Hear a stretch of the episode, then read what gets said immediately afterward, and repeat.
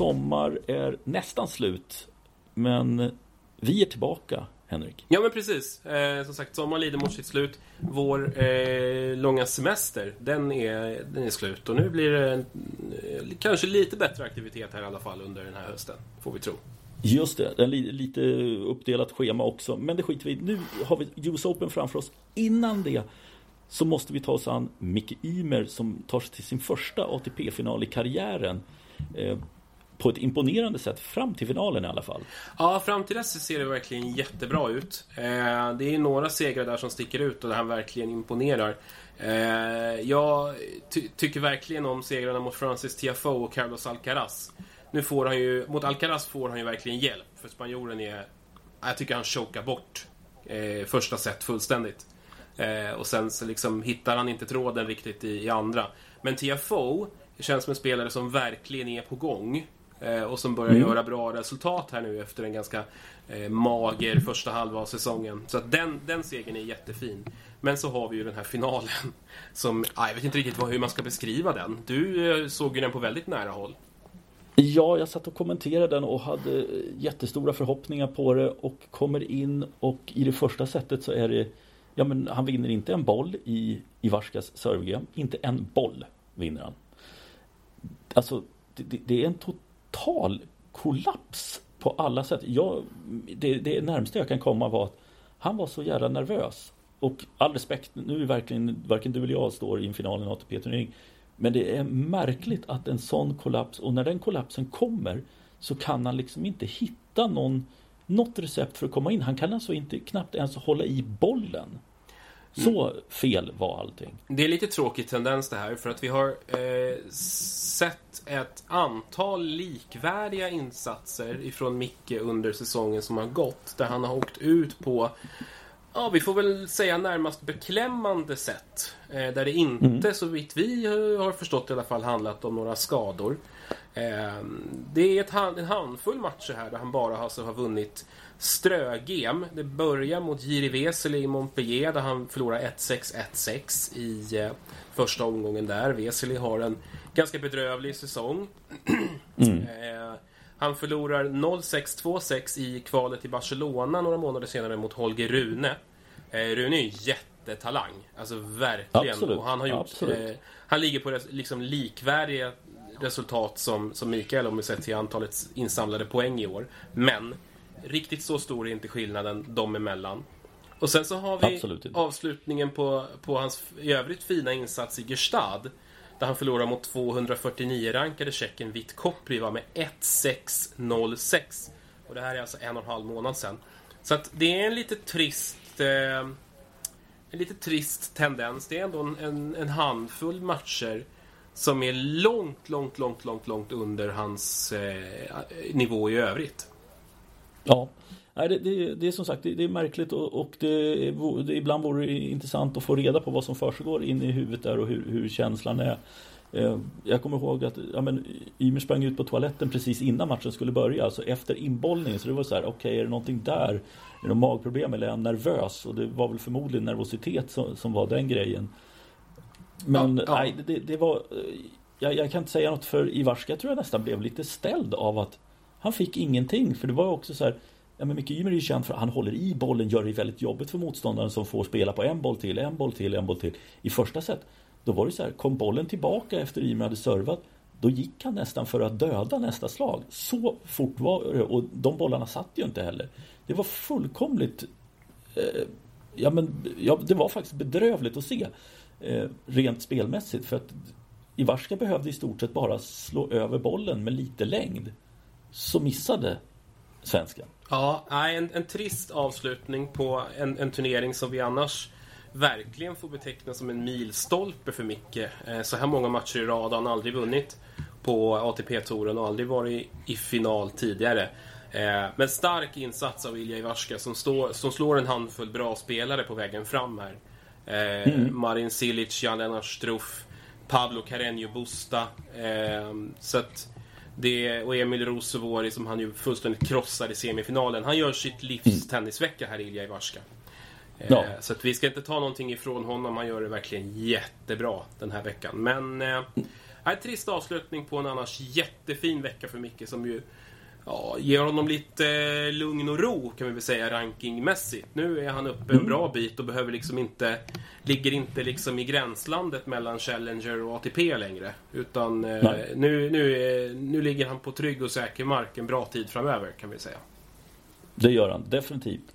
Eh, mer svensk. Du har noterat en liten grej här som jag också så, har sett fladdra förbi. Men eh, en svensk kille som vi ser rör sig lite grann på rankingen. Ja, en, en, en eh, tennisnyhet ute i marginalen lite grann. Men Dragos Madaras eh, börjar mm. verkligen... Eh, eller jag tycker han har cementerat sig som Sveriges tredje bästa tennisspelare just nu efter bröderna Ymer i singel. han... Eh, ni som har koll på honom vet att han, han kom från Rumänien för tiotalet år sedan till Sverige.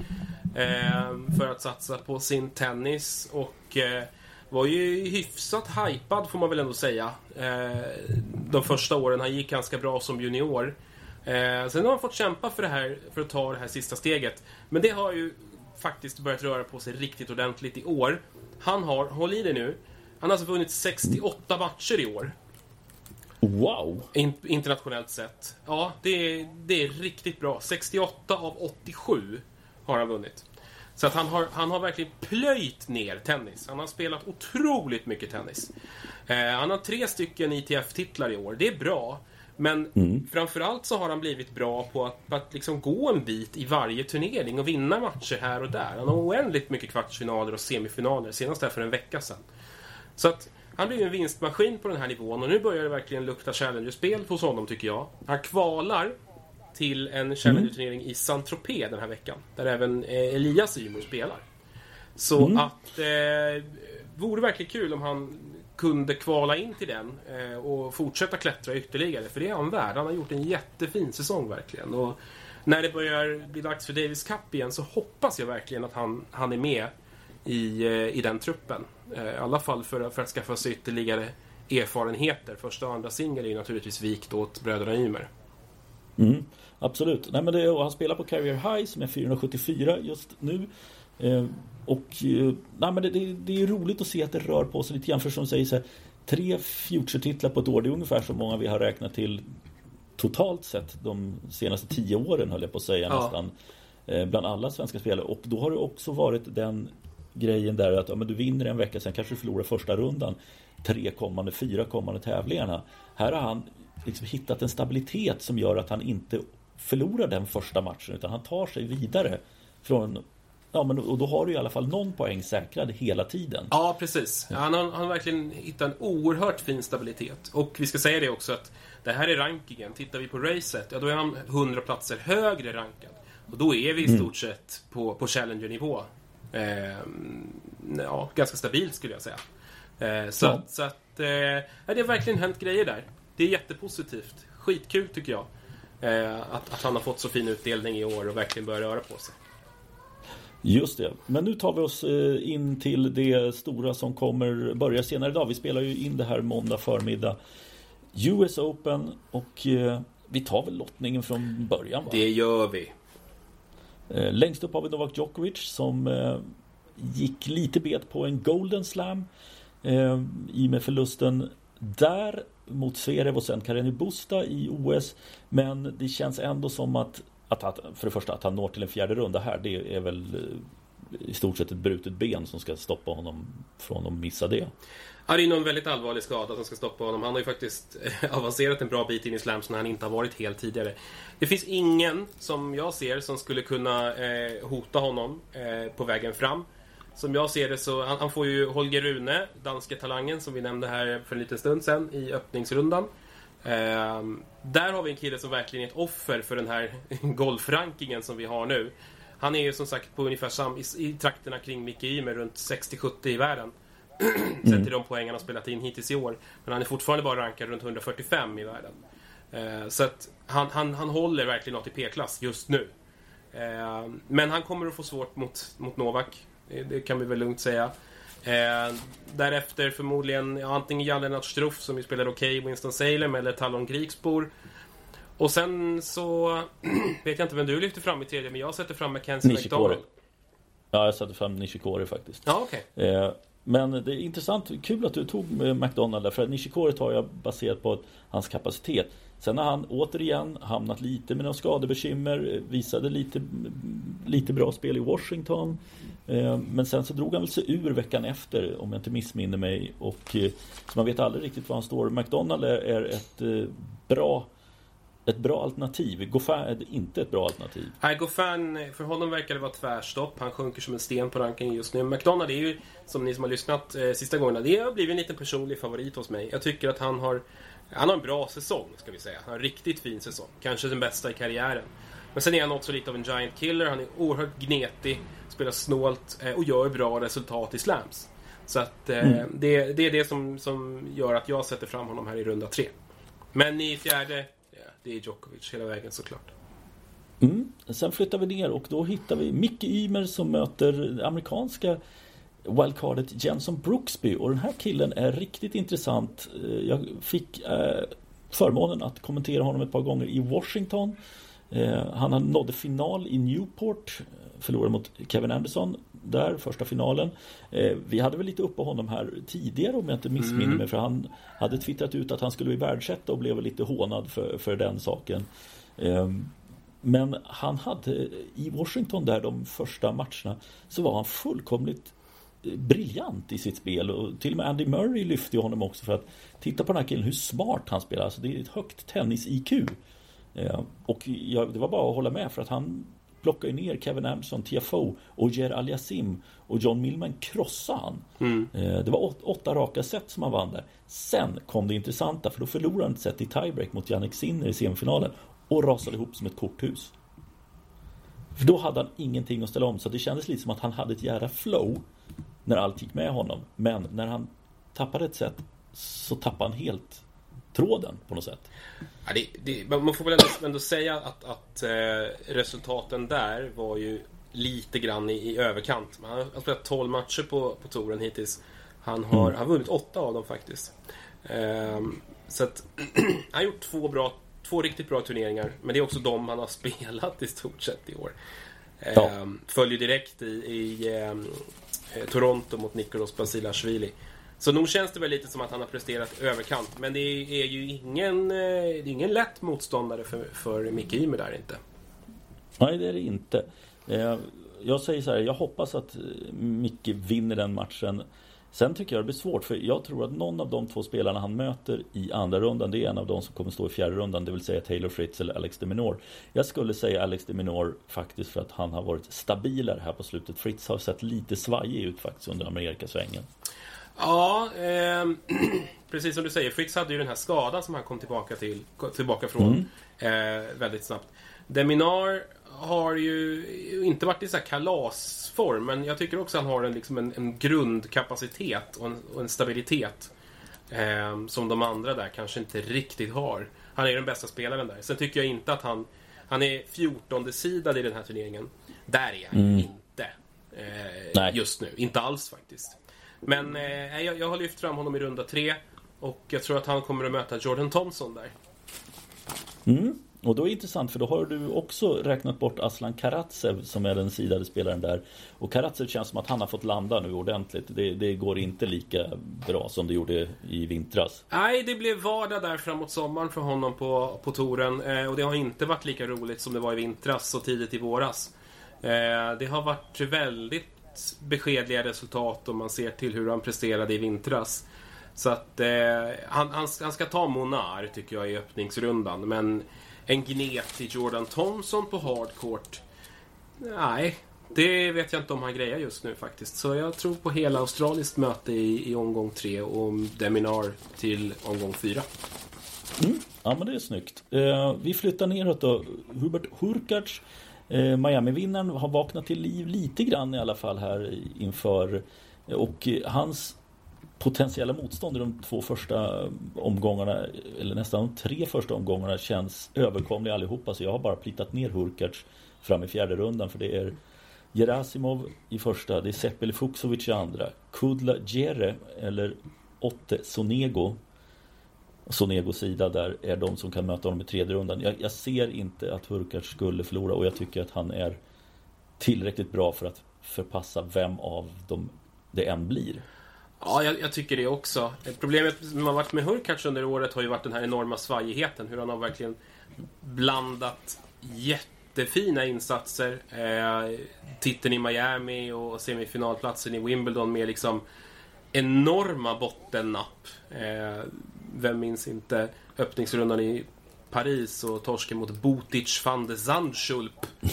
ja, han eh. dyker ju faktiskt upp här också. Men, men ja, ja, nej, det... nej, men, men nu, nu, nu har han ju verkligen han har landat på en nivå som är acceptabel tycker jag. Han har 4-2 från de, i matcher. Eh, från de två eh, Masters-turneringarna som har spelats här under augusti månad. Mm. Så det är fullt acceptabla förutsättningar som han kommer in med här tycker jag. Eh, dock ska sägas att han inte har ett eh, helt lätt, helt lätt lottning eh, framåt. Eh, Fuxovic tycker vi ju båda om. Det är en väldigt spelskicklig kille.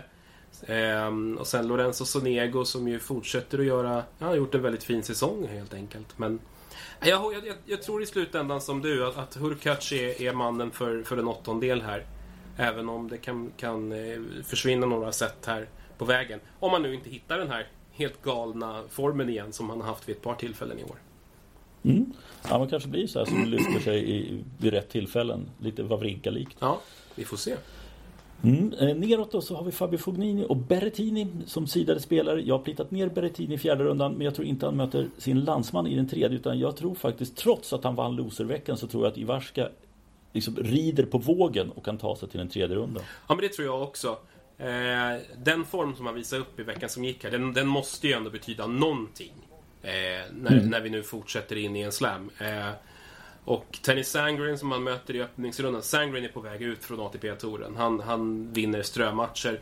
Pospisil spelar ju som det känns sporadiskt bara om det nu är han som tar sig vidare eller om det blir Fognini. Eh, ja, jag tycker det känns som att verkligen som att det är Ivarskas, eh, Ivarskas tur att nå den här tredje omgången. Men Bertini ska ju vara ett, ett nummer större där, tycker jag. Ja, ja. Eh, neråt så hittar vi Alexander Zverev Senaste Masters-vinnaren och Alexander Bublik som sidade spelare Och jag tycker att Zverev och framförallt hur han såg ut i, i Cincinnati och på det sättet han han, han mosade allt motstånd Totalt och i finalen var han obeveklig. Han mosade inte Tsitsipas i semifinalen, det gjorde han verkligen inte. Men han, han var otroligt stark som vände den matchen.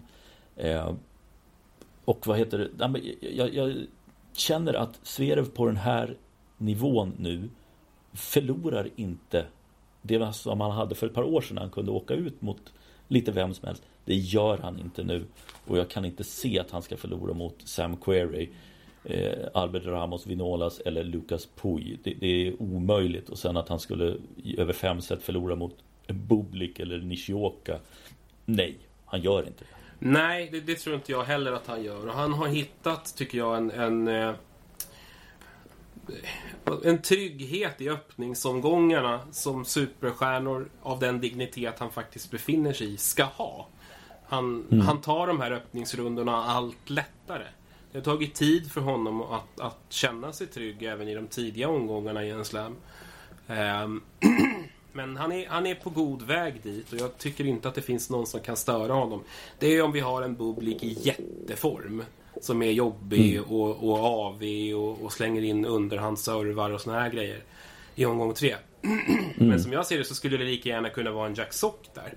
Eh, Oj då. Ja, jag slänger fram honom lite som ett skrällnamn. Men eh, nej, Zverev ska nå, ska nå en åttondel tycker jag. Och det ska han göra ganska enkelt. Det finns ju en sak som vi ska ta i beaktning. Och det är den här artikeln som har, som har publicerats i, i eh, magasinet Slate. Slate. Eh, av Ben Rothenberg. Eh, nu, under, nu i dagarna som återigen belyser anklagelserna mot Zverev om, om kvinnomisshandel. Mm. Och som han har fått frågor om. Eh, så, att, så att det, här, det här har ju lyfts till ytterligare en nivå ska jag säga. Så han, han eh, håller på just nu och säger att han ska vidta rättsliga åtgärder mot tidningen och mot journalisten i fråga. Så det är frågan hur mycket, hur mycket det påverkar honom. Ja, eh, det, det, vi har ju gått igenom den där storyn tidigare ja. och, den, och, nu den här Slate-artikeln är det ju ännu värre, höll jag på att säga, är det ju faktiskt. För jag tycker att den, den går igenom så väldigt grundligt allting. Fortfarande så är det ju en sida av det men det här är, är så komprometterande så att det, det går liksom inte att ducka för. Rent ja, vad ska man säga på, på människoplanet. Att Ja. det, här, det här är ju hemskt. Det är hemskt. Det är Ja. vidrigt. Det, det, är det, Ehm. det är det verkligen. Det är, det är riktigt grova anklagelser som, som riktas mot honom. Och eh, han, han fortsätter ju avfärda det här kategoriskt som liksom bara, bara lögn och, och falsarier helt enkelt. Ehm, Mm. och det återstår att se vad, vad det här resulterar i. Hittills har det ju inte blivit några som helst konsekvenser egentligen. Det är, det är några enstaka personer som, som det har varit lite tränarbyten och, och folk i hans team som har kommit och gått som jag uppfattade som valt att, att, att gå vidare från honom efter det här. Men, men han, han har ju fortfarande samma spons och, och eh, eh, nej, det, det, har, det har blivit väldigt få konsekvenser för tennisspelaren Alexander Zverev Ja. sen den här nyheten nådde, nådde dagens ljus. Och det återstår att se vart det här tar vägen någonstans. Så man får väl hoppas att, att tennisvärlden tar det här på allvar. Det hoppas vi verkligen. Eh, spela tennis kan han göra i alla fall. Det får vi väl Ja, det kan konstatera. ingen ta ifrån honom. Det, det, det, det, det är han verkligen bra på just nu. Ja det är han. Vi tar oss ner och lite gladare miner och tittar på Game of Fizz som lyckas vinna några matcher. Han Ja. var nere alltså utanför topp 200 på racet. Men nu hade han i alla fall klättrat lite grann va? Ja, nu har han faktiskt tagit sig in. Är, han är ju en av de stora vinnarna på det här rankingsystemet som vi har nu. Eh, han är ju rankad nummer 20 i världen, men på racet är han på nummer 91. Så han är alltså rankad 71 platser högre på den officiella rankingen än, än på racet. Han är dock inte värst där, ska sägas. Nähä? Den som drar mest nytta av den här, eh, av spelarna topp 100, vet du vem det är? Eh, måste vi se. Mm. Det är ju någon... Ja, Goffin är ju en sån spelare som också ligger alldeles för högt. Men det är inte så. Han kan inte vara... Nej, inte vem som är värst där faktiskt. Nej, Mon- Monfils, vi kan, vi kan ta det lite nerifrån. Vi, vi har ett antal namn där eh, som, är, som är uppenbara. Dominic Thiem, Roger Federer till exempel. Ligger mellan Ja, men de är inte aktiva nu, 40 och jag på att 50. säga. Nej, precis. Och, sen så har du sån som Adrian Manarino som är eh, rankad nästan Oj! hela 50 platser högre än vad han är på racet. Eh, Milos Raonic också nästan 70 platser eh, ligger han bakom sin egentliga ranking. Och så har du Monfils. Sen har du Stan Wawrinka. Som Ja, fortfarande Wawrinka. är rankad på plats 33. Men i själva verket eh, ligger 281 på racet. Han spelar inte Ja. i US Open. Han rehabiliterar nej, nej, det en, en, en skada.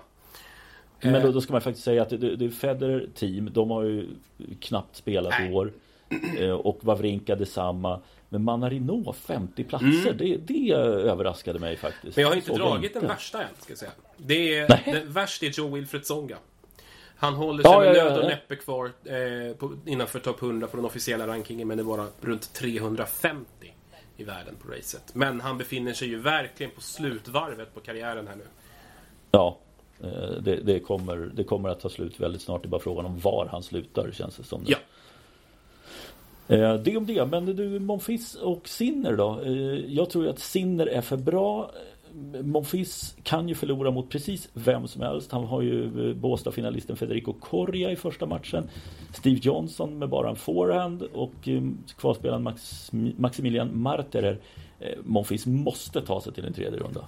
Ja, men det tycker jag också. Ehm, och jag börjar faktiskt sluta lite åt att han kanske ska ta sig lite längre än så. Ehm, Jag håller honom lite som kanske mest känslomässig favorit mot, mot Yannick Sinner. Sinner är inte i någon sån här kalasform. Ehm, Ja, han vann, han vann Washington. han vann. Washington, det gjorde han. Men i övrigt så har han riktigt beiga insatser. Åkte ut direkt i Wimbledon, torskade inför det i Queens Club mot Jack Draper. Torsk direkt i Atlanta. Torsk direkt Mm. i Toronto mot James Duckworth. Och så vann han en match i Cincinnati. Så att, ja, okej, Washington i all ära. Men han mötte alltså två stycken spelare rankade utanför topp 100 i sina två sista matcher i den turneringen. Ehm, Sant. det vet inte hur mycket värdemätare jag, jag, jag vill göra av det. Däremot så tycker jag att Gael Monfils ver- verkligen ser inspirerad ut igen. Han verkar lyft, han är ju nygift. Verkar må kanon. Eh, jag tycker att matchen mot, mot Andrei Rublev eh, häromveckan var, äh, det var en höjdare.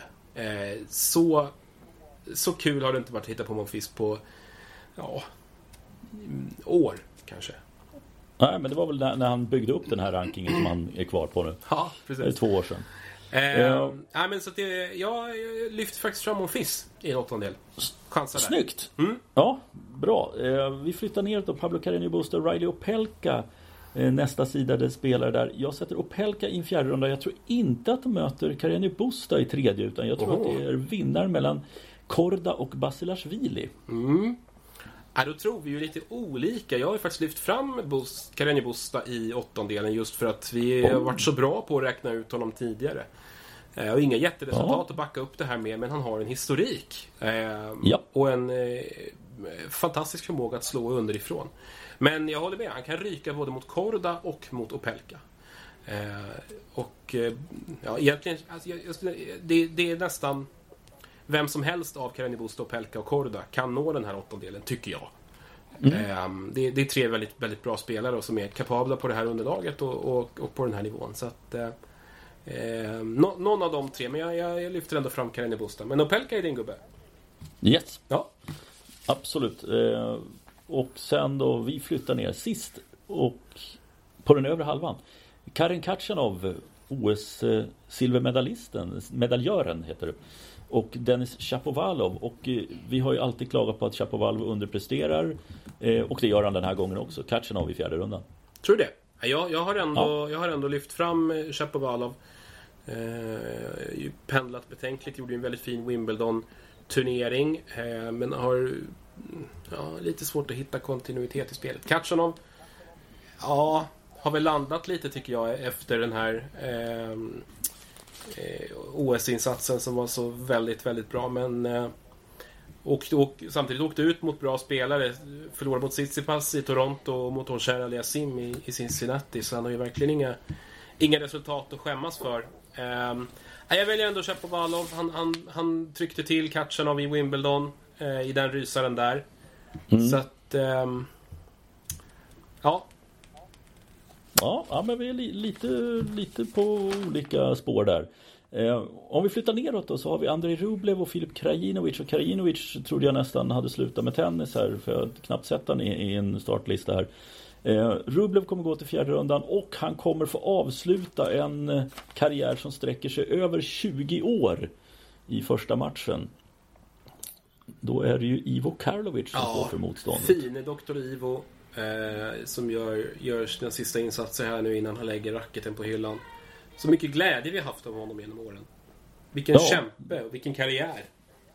Ja, men det... Man blir lite... Det, det, han har varit en konstant, får man väl Verkligen. säga. Det har han verkligen varit. Han har ja, åtta titlar. Eh, han vann ju i Stockholm 2007. Det året vann han tre titlar. I Houston på, på grus. Han vann i Nottingham på gräs och Stockholm Indoor Hardcourt. Eh, ja, det, det är... Eh, ja, det, det, det kommer vara konstigt och tyvärr så kommer inte hans serve S-rekord hålla speciellt länge. Vi kommer till det lite senare.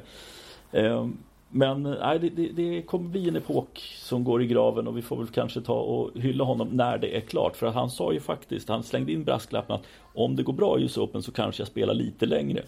Ehm, så att, eh, men det, det kommer inte, han kommer inte vinna mot Rublev eh, utan ryssen kommer att ta sig till en fjärde runda, punkt slut. Ja, Rublev bröt ju också ny mark här för några veckor sedan. Eh, nådde sin första Mm. Masters-final. Eh, Och for- första gången han slog Medvedev. Ja. Också ta in. han fortsätter ju efter att Medvedev skämde ut sig riktigt ordentligt där i- genom att sparka på en TV-kamera. Ehm, Ja men där, vet du vad? Där, jag är inte, jag är lite på Medvedevs eh, sida där Oj, för den där oj, kameran var oj. Ja För den kameran var oerhört felplacerad Vilket smögs med Men det kom ganska fort upptäckte jag att Nej, de flyttade kamerorna så att de stod utanför bollkallarna efteråt. Ja, Så jag- att det jag- var något Mm. för, för att där När man såg hur djupt han stod bakom där och i den i, under bollen så Han hinner ju uppfatta det och det är ju tur att han hinner uppfatta det för han, han blir ju förbannad Medvedev vilket jag tycker att han har rätt.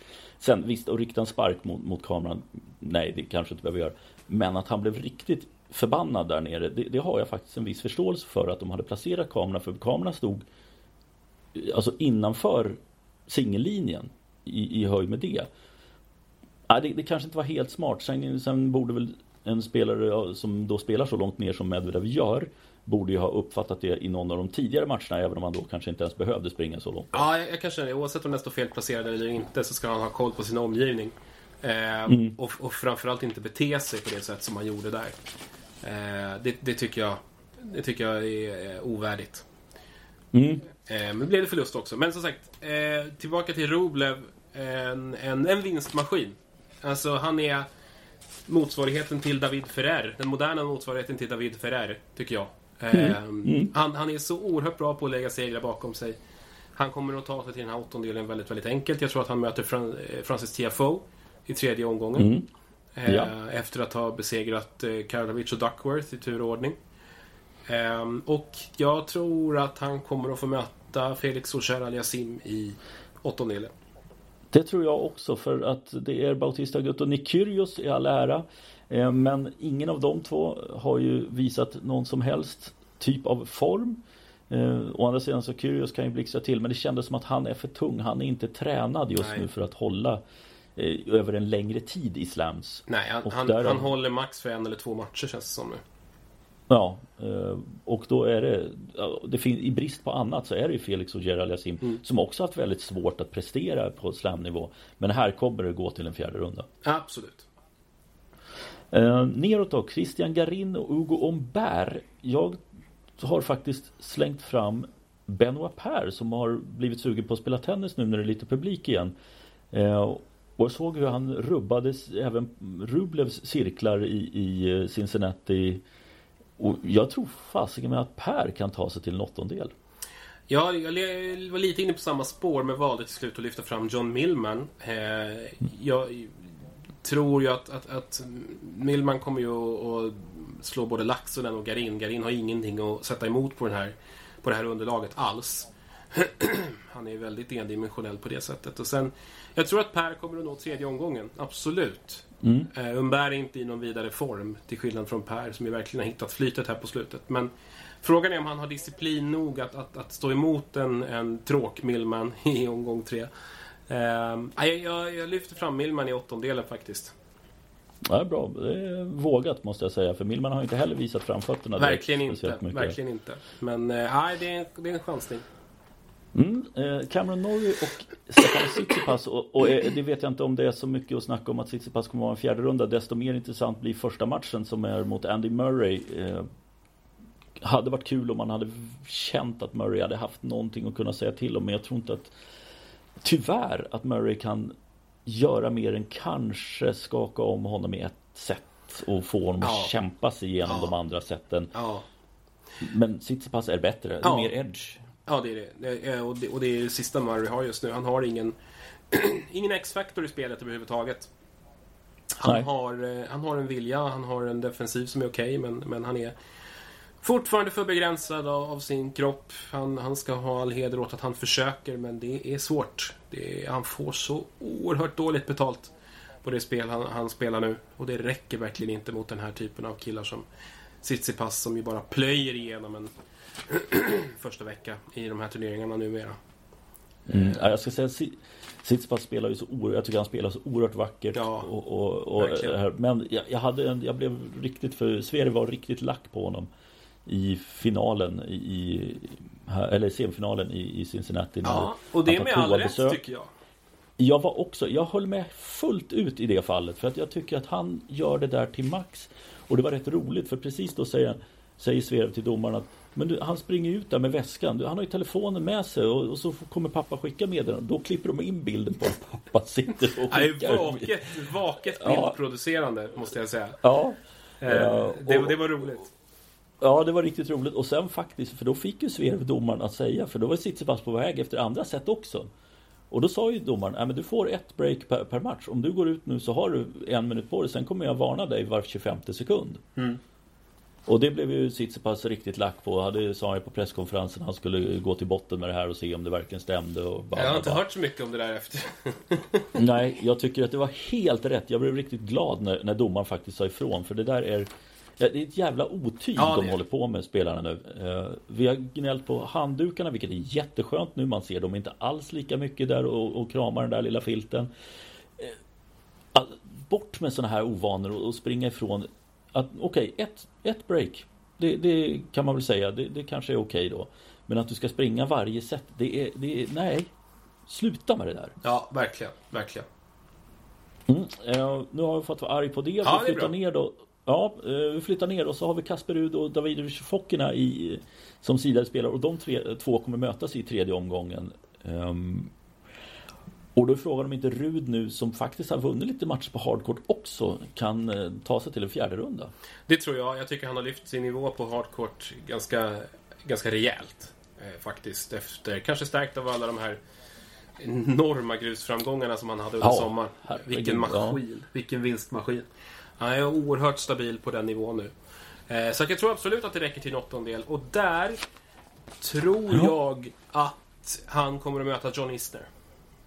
Det tror jag också. Det är ingen snack om det. Och John Isner som jag tror alltså att hans eh, stora grej nu är att slå, att slå eh, Karlovic S-rekord. Det tror jag är det han drivs av eh, framförallt. Han spelar ju bra emellanåt. Han vann Atlanta för sjätte gången. Han servar som en häst. Ja, men, han behöver ju inte åka utanför USA utan det är bara att spela där i Nordamerika och, och dunka in ett par hundra S per turnering. Så är han snart förbi Karlovic. Och det, ja, han, han gjorde det bra, även om han förlorade faktiskt. Han, Brandon Nakashima som han möter i första rundan förlorade han mot i Los Cabos var det väl i tidigt här under sommaren. Eh, och Nakashima tog sig till ytterligare en final också. Där, där i Atlanta var det väl då? Ja, Då en, en spelare som verkligen är, är på uppåtgående får vi säga. Mm. Men där tror jag inte, det, det är som sagt Isner blir för tung i bäst av fem set och, och att någon av de andra ska ha någonting att, att sätta emot, det tror jag inte. Kevin Anderson är för vek. Idag, Diego Schwartzman, han, han kommer oavsett var han står placerad på returerna så kommer han knappt nå bollen. Eh, nej, Isner i en fjärde runda, punkt. Ja, För mig. Punkt. Absolut. Eh, jag, jag ser inte heller någon som ska kunna sätta emot. Som du säger, Schwartzman eh, kan nå en tredje runda bara i kraft av en, en enkel lottning, tycker jag. Men han är, Mm. han är väldigt långt ifrån den nivå han befann sig på här i fjol och året innan det. Eh, Mm. han, det, det handlar om en, en ordentlig nivåsänkning för hans del. Han, han får inte utdelning här och, och Isner, ja, det kommer att bli riktigt kämpigt. Han har verkligen maxat liksom. Det känns som att han, lite som du är inne på det, han, han fokuserar på ett antal turneringar och på att göra dem bra. Eh, och, och liksom koncentrera sin energi till, till eh, de matcher där han verkligen har chans att vinna. Och det har han nu. Jag tycker han har jättebra möjlighet att gå och nå riktigt långt i den här turneringen. Så är det. Eh, någon som har också har potential att gå hyfsat långt i alla fall med tanke på hur han har spelat under säsongen. Det är Gigor Dimitrov. Det är han och Dan Evans som gör upp om en plats i fjärde rundan. Och det är ju två spelare som inte direkt har någon jätteform att luta sig mot. Dimitrov blev så avklädd mot Medvedev här i, i Masters-tävlingen i Cincinnati innan. Det var väl Cincinnati va, som de möttes? Ja, jag tror det. missminner. Ja, eh, för det var Medvedev var och Dimitrov gjorde en rätt okej match men förlorade 6-3, 6-3 och det är bara för att Medvedev var så oerhört smart i hur han spelade bort Dimitrov. Jag tror att Dimitrov faktiskt kan ta sig till en fjärde runda och få försöka till en revansch eh, men det, det kommer väl inte lyckas, det tar vi sen. Eh, Men jag tror Dimitrov faktiskt kan ta sig till en fjärde runda nu. Ja, det tror jag också. Jag, tror, jag tycker att det största hotet just nu heter Marcos Giron. Eh, Mm. Som ju eh, lyfts av det faktum att han är hemmaspelare och har gjort en del bra resultat här under sommaren också. Har lyft sig upp från, till en liksom stadig ATP-position. Eh, och just spelat rätt så bra tennis. Men det fanns en, det funnits tendenser tycker jag i de här Masters-turneringarna hos Dimitrov att det kanske finns något där eh, att bygga vidare på just nu. Eh, sen är han ju inte i, i närheten av den nivå han har, varit, han har hållit tidigare. Och, och den nya generationen spelare som har tagit över eh, strax bakom Novak Djokovic. De, de har ju distanserat honom riktigt ordentligt tycker jag. Eh, Mm. Vilket förmodligen kommer att bli uppenbart när eh, vi får se åttondelen som väl borde bli mot ja, Daniel Ja. Medvedev. Ja det blir det för det är Medvedev och Cilic eller Cilic och eh, även om kroaterna har, har vaknat till lite grann här så är det lite samma sak där. Det är en generation fel och, och Medvedev har inga problem att stå och, och vänta ut de där eh, servbomberna och få kanonen. Han, han kommer att ja, plocka ner honom, tappa ett set kanske på sin höjd. I annat fall så är det, kan det bli mycket väl nio raka set Om Medvedev står i tredje eller fjärde rundan. Yep. Jag har inget att invända. Eh, det känns, nej. känns gjutet. Nej, men då, då har vi eh, åttondelarna klara då. Eh, Novak mot Dominar. Ja, Eh, sen sa jag Hurkacz och Berrettini. jag sa samma. Zverev Sinner. Och jag sa Zverev Monfils. Och sen hade jag Opelka Kachanov. Där var vi helt olika för jag hade Karenju Busta mot Chapovalov. Eh, vi flyttar neråt då. Då var det Rublev och, och Gerald Yassim. Mm, samma för mig. Ja, där hade jag Per och Tsitsipas och du hade inte Per. Nej, jag hade Millman Tsitsipas. Rud Isner Samma. och Dimitrov Medvedev. Ja, Ja, men det är härligt, härligt att spekulera igen Henrik. Det Verkligen. var ett tag sedan sist. verkligen. Eh, Ja, men nu, nu tar vi och eh, njuter av den här första veckan av årets sista slam och sen så tar vi och summerar det i slutet av den här veckan eller början på nästa. Det gör vi. Vi är tillbaka igen om en vecka med en eh, ordentlig halvtidssummering helt enkelt. Absolut. Tack för att ni lyssnar. Tack för idag!